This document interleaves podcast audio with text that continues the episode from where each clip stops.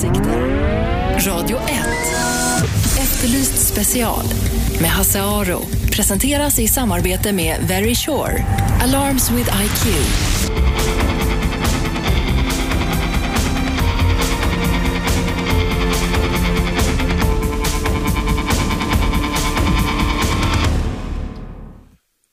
Välkomna till Efterlyst special. Hasse Aro heter jag som sagt och vi ska ägna det här programmet åt eh, rättegången som började igår. Rättegången som handlar om mordbranden på Harry Scheins villa där en man som i ena tidningen eh, kallas för Dr. Åsas sambo och i den andra tidningen kallas för Magnus Lundberg för att han heter det.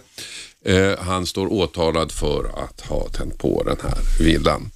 Det var ju den 24 februari i år som eh, framlidne Harry Scheins villa brann ner.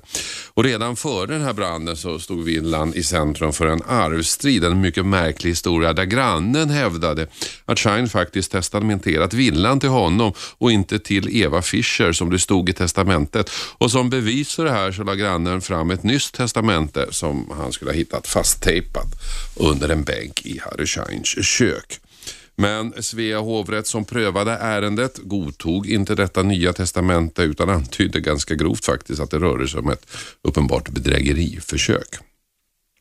Så villan gick då till Eva Fischer, Shines mångåriga väninna.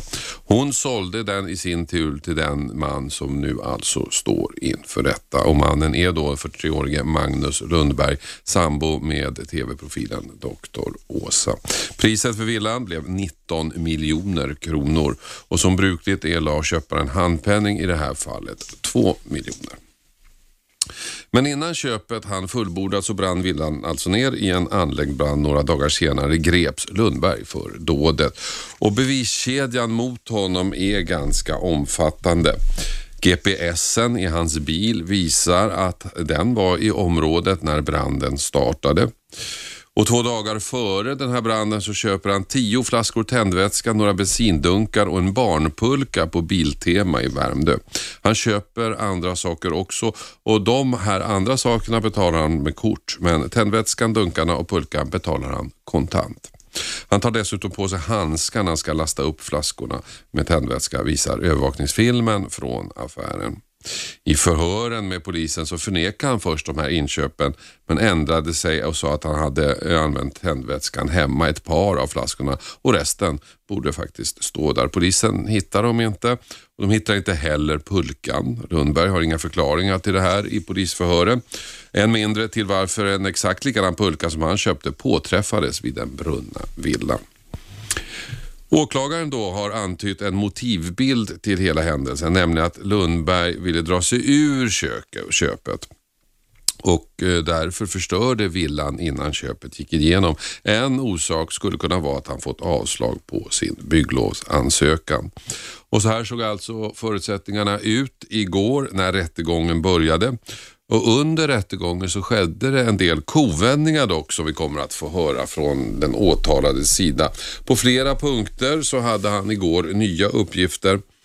Man kan sammanfattningsvis säga att eh, det som är gemensamt för de här nya ståndpunkterna är att de alla talar emot hans eh, åklagarens indicielinje. Så att i de fall där han tidigare uppgivit, uppgivit saker som talar för åklagarens indicielinje så har han nu ändrat sig. Vi ska lyssna på delar ur den här rättegången tänkte jag här i Efterlyst special Radio 101,9. Ljudet kommer från tingsrättens ljudanläggning och är tyvärr ganska dåligt men jag rekommenderar att ni försöker stå ut med det för det är ändå rätt intressant.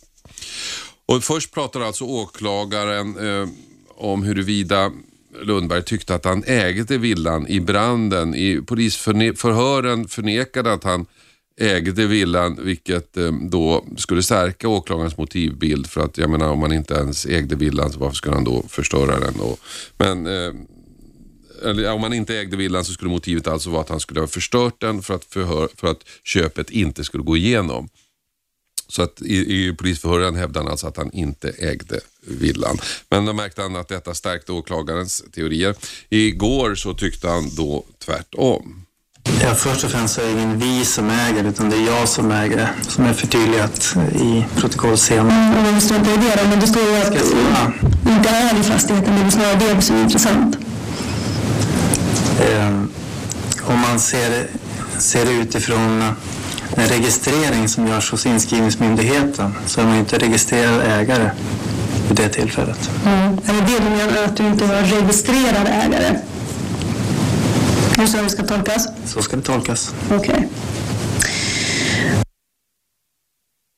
Ja, han medger alltså att han, han hävdar då att han, det han menade när han sa att han inte ägde villan var att han inte var registrerad ägare men nu, med, nu påstår han sig alltså vara fullt på det klara och införstådd med att han ägde villan.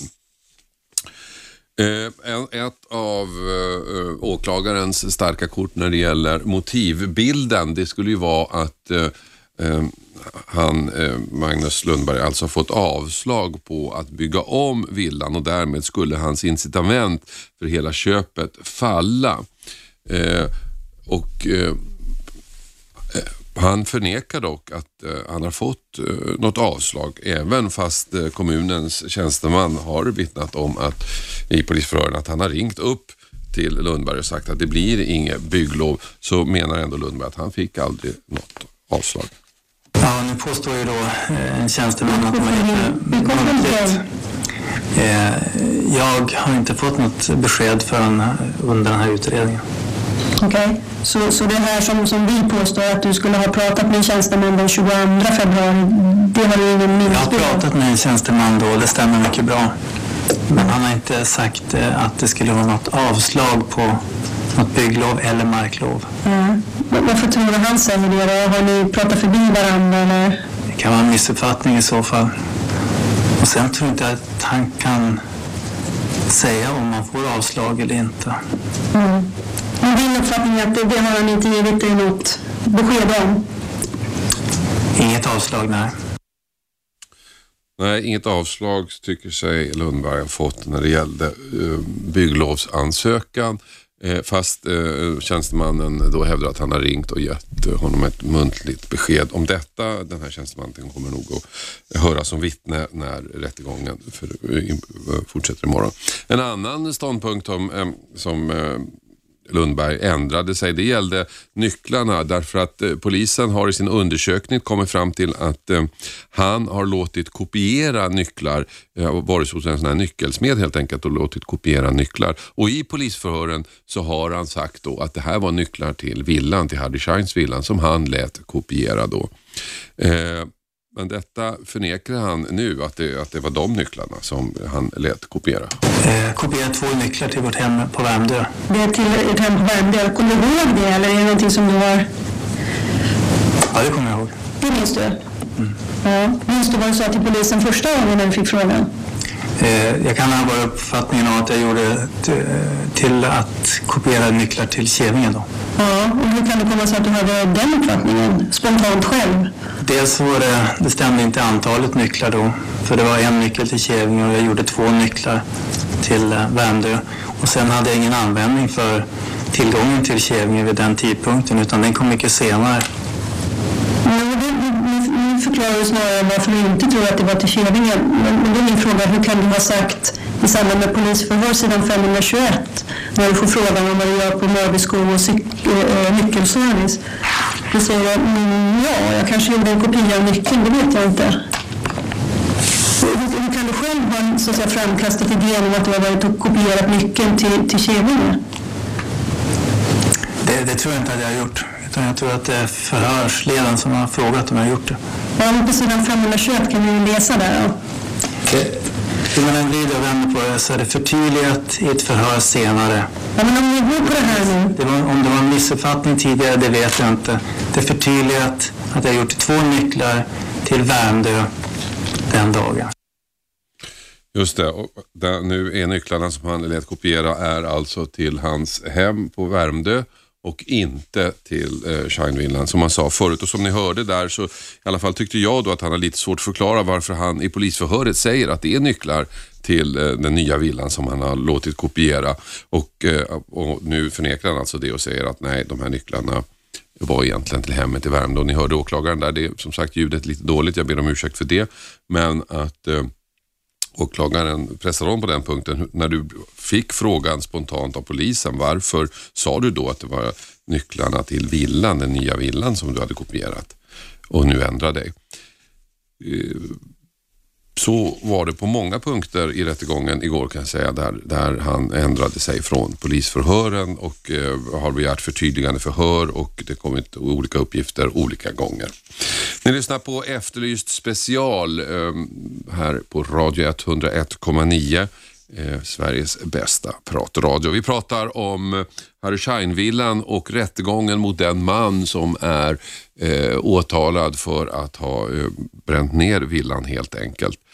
Eh, det var den 24 februari i år som eh, Harry Schein då eh, bland annat Filminstitutets skapare, eh, framlidne Harry Scheins villa brann ner. Och eh, några dagar senare så eh, greps den man som har köpt villan av Eva Fischer som ärvde villan av Schein. Och eh, den här mannen Lundberg hade alltså lagt en handpenning och åklagaren menar att motivet till gärningen skulle ha varit att, att eh, han eh, helt enkelt eh, inte ville ha villan kvar längre. Av, av något skäl så ville han häva köpet och enligt åklagaren så är det ett motiv nog. Därför brinner villan ner så kan inte köpet fullföljas och då går det tillbaka. Eh, villan ägs ju av den första ägaren ända fram till att kontraktet är slutligt skrivet och, och hela köpesumman är betald. Men detta förnekar alltså Lundberg förnekar allting. Eh, som åklagaren eh, ställer mot honom. Och det som åklagaren har mot honom. De starkaste bevisen det är ju egentligen dels det faktum att han eh, några dagar före, två dagar före branden köpte tio flaskor eh, tändvätska i, i en Biltema-affär i, på Värmdö. Han köpte dunkar eh, som man kan ha bensin eller diesel i. Han köpte också en pulka.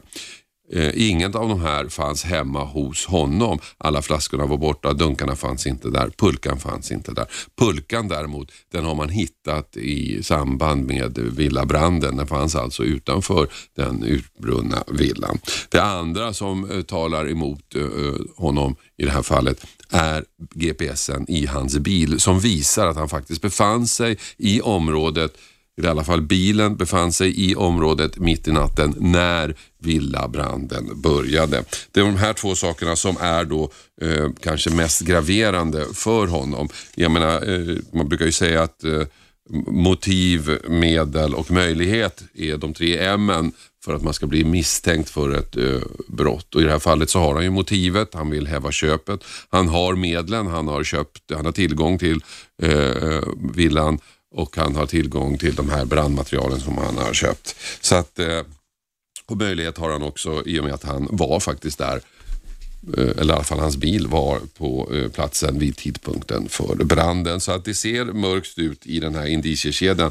Efter pausen så ska vi höra hur han förklarar eh, de här inköpen han gjorde på Biltema. Varför han behövde så många flaskor, varför han betalade vissa grejer kontant, andra med kontokort och varför han hade handskar på sig när han bar de här flaskorna.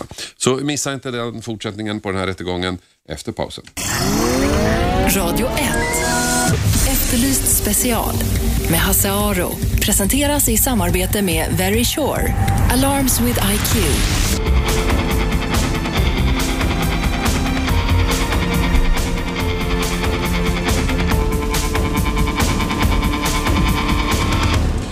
Välkomna tillbaka till Efterlyst special. Ett program som vi idag ägnar åt rättegången om mordbranden på, eh, i Harry Scheins villa, framlidne Harry Schein. Det var den 24 februari i år som villan brann ner. Igår började rättegången mot den 43-årige man, Magnus Lundberg, som eh, eh, är anklagad för att ha tänt på villan.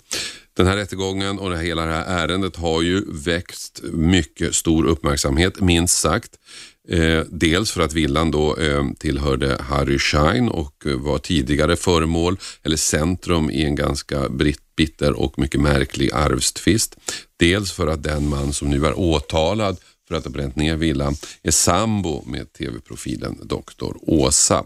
Så att det är klart att den här historien har alla de ingredienser som präglar en eh, kvällstidningshistoria av stora mått. Den 24 februari brann villan ner. Eh, några dagar senare så greps den här mannen eh, för att han eh, misstänkt för att ha bränt ner villan. Och eh, han hade då precis köpt villan, han hade lagt handpenning men köpet hade ännu inte fullbordat så han hade inte lagt resten av köpeskillingen. Eh, motivet skulle då vara att han på det här sättet skulle vilja häva, häva köpet. Eh, kanske för att han inte fick det byggnadslovstillstånd som han eh, hade sökt. Kanske av andra skäl, det vet vi ju inte. Eh, åklagaren har en lång indiciekedja eh, som eh, består av flera punkter med märkliga omständigheter. Eh, den åtalade har under polisförhören gett olika förklaringar på olika punkter, ändrat sig eh, fram och tillbaka och gav igår eh, under förhöret nya versioner på en del punkter också. Eh, man kan ju säga om den här indiciekedjan att om han är skyldig, om det är han som har gjort det här, så finns det ju en logisk förklaring till hela kedjan. Eh, om han inte har gjort det så måste jag säga att det är väldigt många olyckliga omständigheter som sammanträffar precis här och nu när villan brinner ner. Väldigt många olyckliga omständigheter. Vi ska höra ett par av dem i hans förklaring på vad som hänt. Eh, åklagarens starkaste eh, kedjor eller länkar i den här kedjan är till exempel att eh, han, eh, den åtalade, två dagar före branden köpte tio flaskor tändvätska på Biltema i, eh, på Värmdö. Eh, tio flaskor eh, tändvätska, några dunkar att ha till exempel diesel eller bensin i och en pulka.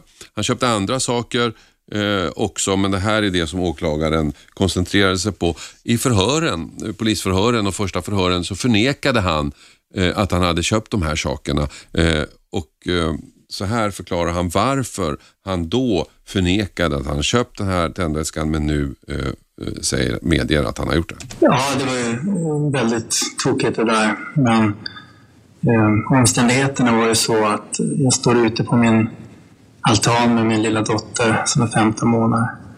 Sen rusade in 10 eller 5-10 poliser. Greppar tag i mig, eh, sätter in min polisbil sätter in i en cell där man inte får ja, väldigt lite mat. Lysrören tända 24 timmar om dygnet. Sen blir man utfrågad av poliser dagen efteråt ehm, eh, som påstår att man har anlagt en brand, att man är eh, anklagad för grov eh, mordbrand som kan ge upp till livstidsfängelse. Jag tänkte att ja, nu när jag handlar tändvätska och diesel för att elda på min gård så kommer det att verka misstänksamt. Så det var därför. Det var jättedumt givetvis, men så blev det i den situationen. Mm. Du, eh, du blir tillfrågad ett ganska stort antal gånger i det här förhöret som var som den 7 mars, det är dagen efter du gripen. Eh, man sitter och diskuterar detta fram och tillbaka flera varv och du vidhåller att det inte är du som har gjort det här köpet. Det, det är som sagt korrigerat i för ett senare förhör. Precis. Ja, du erkände i samband med häktningsförhandlingen två dagar senare att det var du som hade köpt. Men, men, men jag vill närmast ha förklaringen till att du, du förnekar i den situationen. Det var det, den jag dig. Det var att du, du var det kände dig orolig för att du hade varit och handlat brännbart? Jag är rädd för det här. Det är, det är en fruktansvärd eh, anklagelse. Det är klart att man är väldigt rädd. Ja, han blev alltså väldigt rädd eh, för eh, de här, när de här uppgifterna kom fram, hävdar han själv och det var därför han förnekade att han hade köpt det här. Eh, en annan förklaring kan ju vara att han förnekade detta då vid den tidpunkten, dagen efter han gripit sig, att han då inte visste att polisen hade övervakningsbilder på honom när han gjorde de här inköpen. De här är en annan sak som eh, åklagaren eh, hängde upp sig på som var lite märkligt eh, när han gjorde de här inköpen på Bildtema var att han köpte mer saker än vad han hade än de här eh, flaskorna, de här dunkarna och eh, den här pulkan. Han köpte andra saker också, startkablar och lite sånt. Och vissa saker tog han på kontant, eller tog han eh, på kontokort Men de här sakerna, de här som nu eh, har så stor betydelse i den här rättegången, det vill säga tändvätskan, dunkarna och pulkan, de betalade han med eh, kontanter istället. Så att han delade upp det här.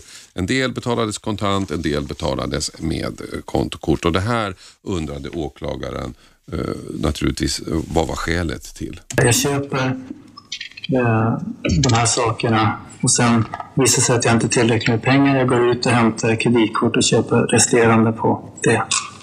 Mm, och varför delar du upp det på en kontant del och på en, en, en kortdel då? Det var det jag sa, att det var för lite pengar med mig för att genomföra köpet. Ja, men varför handlar man inte allt på kortet? Det är kanske det normala i dagens eh, verksamhet. Så det blir ju sällan eh, kontantköp, eller det blir i alla fall ovanligare och ovanligare. Jag köper väldigt mycket privat med, med kontant. Däremot så köper jag väldigt lite eh, kontant i företaget. Så att eh, man kan säga att eh, använder jag kort så är det till företaget och är det kontant så är det privat. Okej. Så du inser när han har slagit ihop, när, när alla varorna slås ihop en första gång, så inser du att du inte har tillräckligt med pengar då? Precis. Ja. Och då är det tillräckligt med kontanter, har jag förstått det så? Mm. Okej. Vad är det som gör att du delar upp det så som du delar upp det då? Ja, då tänker jag det att eh, vad är det som kan möjligtvis användas, eh, ja, att det ska vara avdragsgillt för företaget och då anser jag att de här startkablarna och skaljackan ska kunna vara det. Så förklarar han alltså varför han betalar en del kontant och en del eh, med eh, kontokort när han köper saker på Biltema. Ni lyssnar på Efterlyst special. Vi eh, borrar ner oss i rättegången mot en man som är åtalad för att ha bränt ner Harry Scheins villa. Den villan som brann den 24 februari i år. Efter pausen ska vi fortsätta med detta. Då ska vi höra vad hans förklaring till eh, det faktum att eh, den bil han äger enligt GPSen befann sig på brottsplatsen vid tidpunkten för brottet. Eh, så stanna kvar. Radio 1. Efterlyst special med Hasse Aro presenteras i samarbete med Very Sure. Alarms with IQ.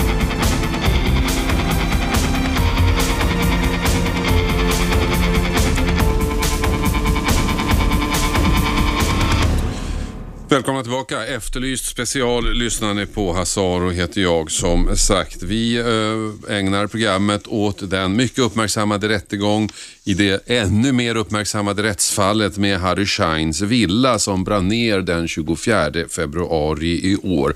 Harry Schein eh, eh, som dog och testamenterade villan till Eh, sin mångåriga väninna Eva Fischer som i sin tur sålde den till den nu åtalade Magnus Lundberg. Eh, priset var 19 miljoner kronor. Han la 2 miljoner kronor i handpenning och skulle då eh, som brukligt är erlägga resten av köpeskillingen när kontraktet skrevs under definitivt. Men innan dess så brann alltså villan ner.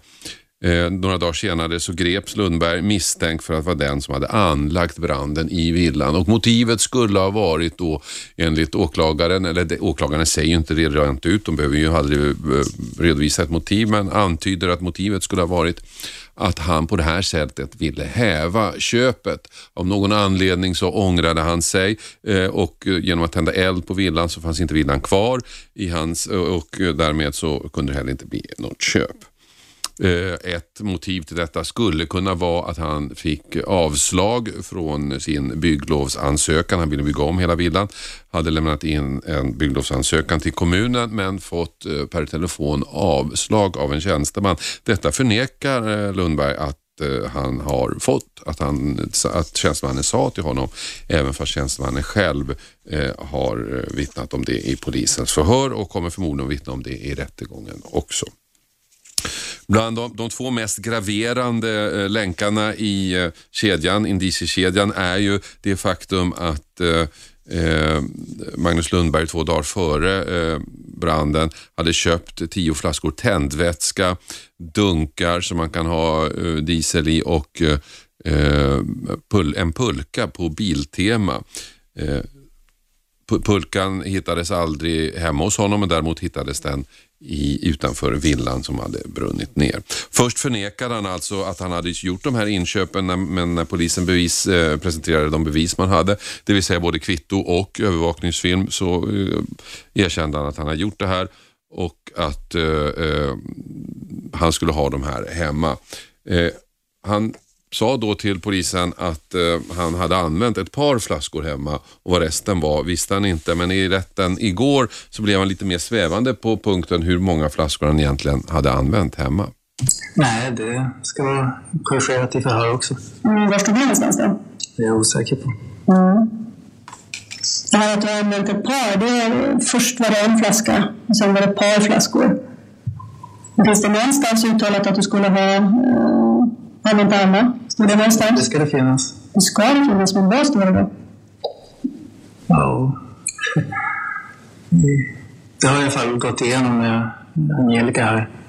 Så att, eh... Jag har också suttit på omhäktning och den här frågan var uppe och du sa att det var kanske inte bara en utan det var ett par stycken. Så det då i samband med omhäktning? Det har varit väldigt många förhör. Det har varit väldigt, eh, en, en del ganska stora missuppfattningar. Eh, och jag har haft åtminstone begärt ett förhör för att sammanfatta alla de missuppfattningar som jag har eh, uppfattat. Många förhör, väldigt många missuppfattningar. En skulle alltså ha varit den, det här med antalet flaskor. Därför i, bör, i de första polisförhören så sa han att han använde någon, sen kanske ett par flaskor hemma. I rättegången igår så hävdade han att han hade använt alla nio, eller tio flaskor hemma när han hade bränt, eh, försökt elda upp skräp hemma på tomten. Eh, de här, eh, I de första förhören så sa han alltså att han hade använt ett par flaskor och resten skulle stå hemma någonstans. Liksom den pulkan han hade köpt till sin dotter. Eh, men de, polisen hittar inte de här flaskorna hemma hos honom och de hittar inte pulkan heller. Däremot hittar de pulkan utanför den utbrunna villan, Harry Schein-villan. Och eh, en teori var att han skulle använt pulkan för att dra alla de här flaskorna och dunkarna med som vägde en hel del. Så det är ju ett av de stora eh, frågetecknen i hans berättelse. Den andra är GPSen.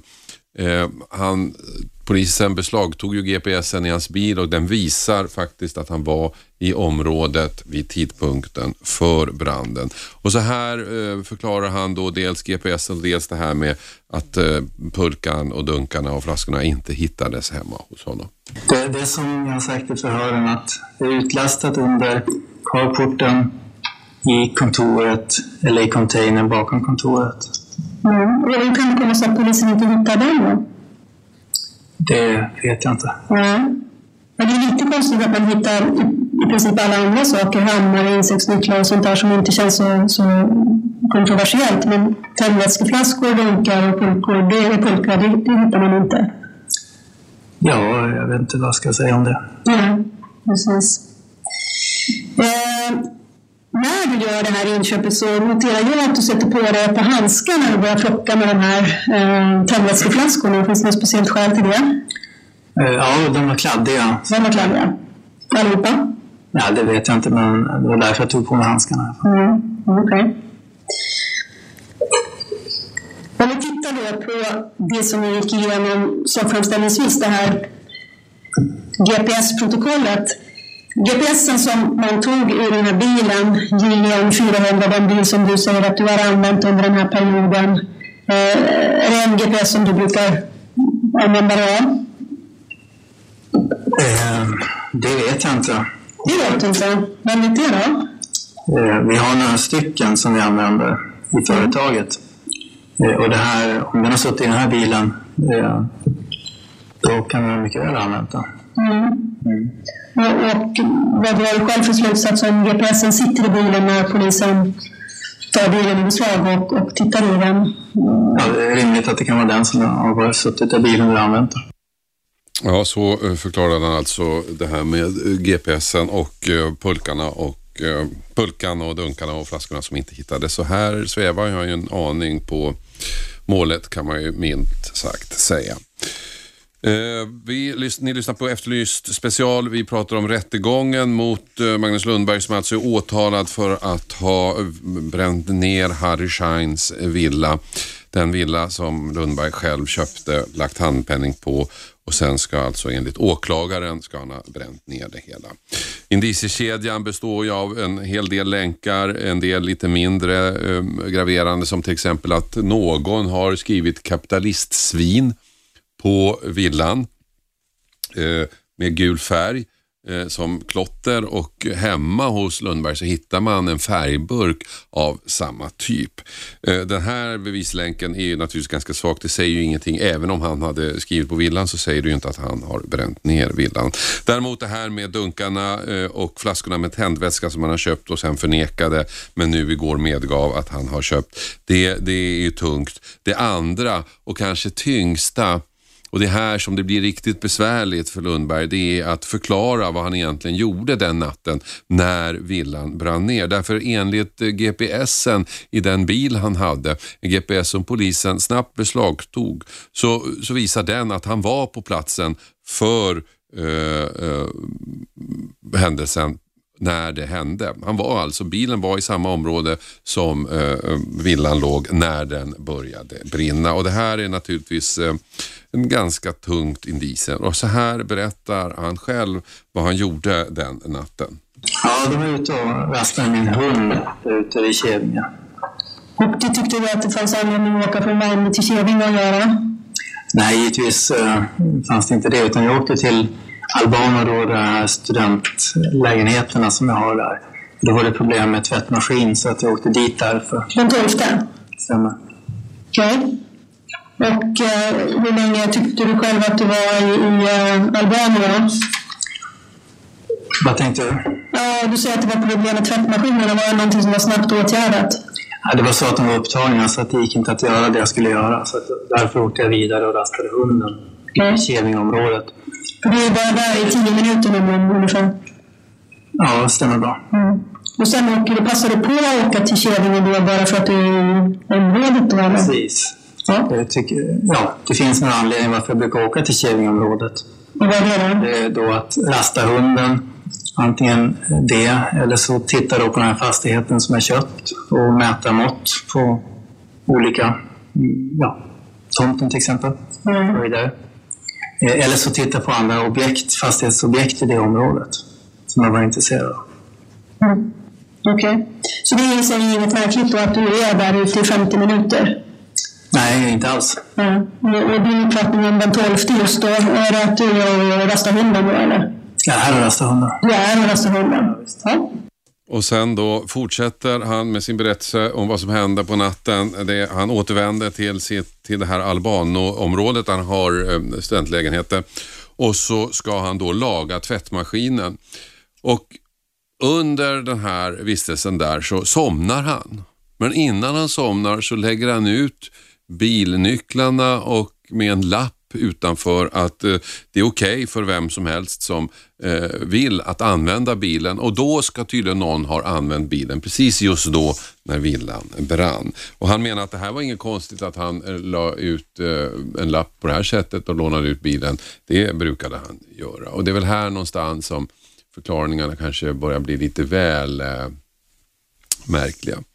Den här rättegången har som sagt eh, väckt en hel del uppmärksamhet. I våra kvällstidningar så har eh, de eh, kriminalreportrar som följer olika rättsfall i Sverige kommenterat det här.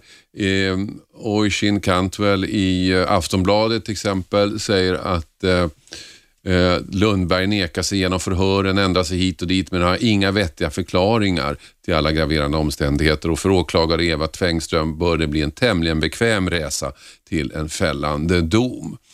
Eh, det här är typiskt nybörjarkriminalitet skriver alltså Oisin Cantwell om Lundberg. En rutinerad brottsling hade städat efter sig bättre än så här. Hur Magnus Lundberg ska kunna slinga sig ur detta är mer än vad jag begriper. Skriver alltså Aftonbladets krönikör Oisin Köntwell och Expressens krönikör Lars Lindström eh, som följer rättegången, eh, skriver också och eh, tycks eh, tycka att skuldfrågan är helt klar. Han skriver att intrigerna är så tunga och förklaringarna så knasiga att det trots allvaret i brottsmisstanken blir komiskt när den 43-årige mannen slingrar sig inför Attunda tingsrätt i Sollentuna.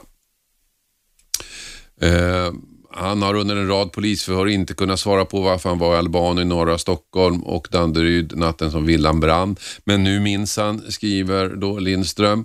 Eh, han skulle starta av några tvättmaskiner i studentbaracken han äger klockan två på natten.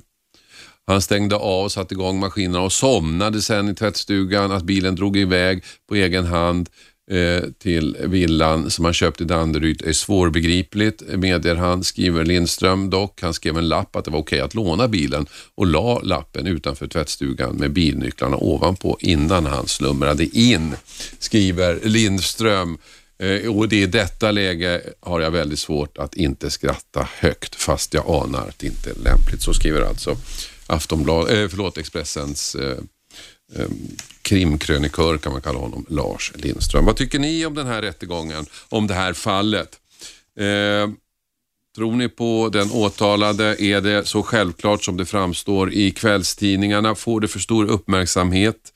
Eh, får hans sambo, Dr. Åsa, som, får, eh, som hängs ut i sammanhanget, får hon lida onödigt mycket? Det finns mycket att diskutera om fallet med Harry Scheins villa. Ring gärna in och berätta vad du tycker. 0200 11 12 13. 0200 11 12 13. Jag tar samtal under reklamen. Radio 1.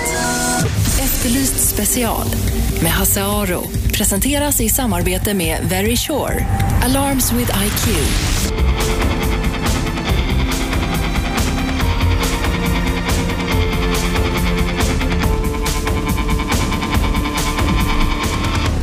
Välkomna tillbaka till Efterlyst special som vi idag ägnar åt rättegången mot Magnus Lundberg som står åtalad för att ha bränt ner framlidne Harry Scheins villa.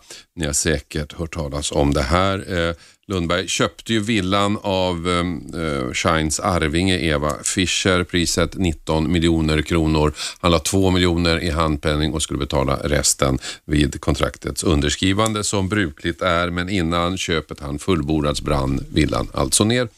Några dagar senare greps han, Lundberg, eh, misstänkt för att ha bränt ner det här, eller anlagt branden. Motivet skulle vara att han av någon anledning, kanske för att hans bygglov inte gick igenom, ville häva köpet eller ville låta köpet gå tillbaka. Eh, de tyngsta indicierna i det här fallet är ju då att han eh, två dagar före branden köper tio flaskor tändvätska, några bensindunkar och en barnpulka på Biltema i Värmdö. Han köper några andra saker också och de betalar han med kort men tändvätskan, dunkarna och pulkan betalar han kontant. Han tar dessutom på sig handskar när han ska lasta upp flaskorna med tändvätska visar övervakningsfilmen. Det här förnekar han, hela det här inköpet förnekar han i polisförhöret. Eh, den andra starka länken i kedjan är ju det faktum att hans bils GPS visar att han har varit i området eh, när villan brann. Eh, hans förklaring till den är ganska krystad. Eh, han säger att han har åkt till ett eh, område i närheten där han äger några, några lägenheter, studentlägenheter, för att fixa en tvättmaskin som var trasig och eh, medan han var där så la han sig för att sova, la ut bilnycklarna eh, tillsammans med en lapp där det stod att det var okej okay att använda bilen medan han sov och då ska någon alltså ha tagit bilen och kört till villan tydligen. Det var hans förklaring till detta. Det här eh, fallet har ju väckt en hel del uppmärksamhet. Vad tycker ni? Ring gärna in om ni vill diskutera fallet med Dr. Åsas sambo som en av tidningarna kallar honom. 0200 11 12 13 0200 11 12 13. I rättegången igår Eh, så så kom naturligtvis frågan upp varför förnekade han att han hade köpt den här tändvätskan i de första förhören? Varför sa han inte som det var? Och, eh, för nu medger han att han har köpt de här och hans förklaring den lät så här. Ja, det var ju väldigt tokigt det där. Men eh, omständigheterna var ju så att jag står ute på min altan med min lilla dotter som är 15 månader. Sen rusade in tio, eller fem, tio poliser. Greppar tag i mig, eh, sätter in min polisbil sätter in i en cell där man inte får ja, väldigt lite mat, lysrören tända 24 timmar om dygnet. Sen blir man utfrågad av poliser dagen efteråt eh, eh som påstår att man har anlagt en brand, att man eh, anklagad för grov eh, mordbrand som kan ge upp till livstidsfängelse. Jag tänkte att nu när jag handlar tändvätska och diesel för att elda på min gård så kommer det att verka misstänksamt. Så det var därför. Det var jättedumt givetvis, men så blev det i den situationen. Mm. Du, eh, du blir tillfrågad ett ganska stort antal gånger i det här förhöret som var den 7 mars, det är dagen efter du är gripen. Eh, man sitter och diskuterar detta fram och tillbaka flera varv och du vidhåller att det inte är du som har gjort det här köpet. Det, det är som sagt korrigerat i för, senare förhör. Ja, förklaringen skulle alltså vara att han, eh, situationen var så fruktansvärd. Han eh, sitter där i det här hemska häktet med lysrören på hela tiden och väldigt lite mat. Blir anklagad för mordbrand. Eh, och så har han då precis några dagar innan köpt massa tändvätska. Självklart ljuger han om det för han vill ju inte bli misstänkt. Jag vet inte, jag har aldrig varit i den situationen. Jag har faktiskt aldrig suttit häktad anklagad för ett allvarligt brott. Men jag känner nog att är man oskyldig så gör man väl allt för att eh, eh, försöka rätta till situationen. Har man hamnat där av misstag så gör man väl allt för att liksom berätta hur saker och ting ligger till för att man ska komma därifrån och det här misstaget ska liksom rättats till. Och jag tror inte faktiskt jag tror inte att den första ryggmärgsreaktionen i den här situationen, även om lysrören lyser dygnet runt, jag tror inte att reaktionen är att ljuga. Som eh, eh, en av mina nestorer brukar säga, den som ljuger eh, har ett skäl till detta. Man ljuger för att man vill dölja någonting.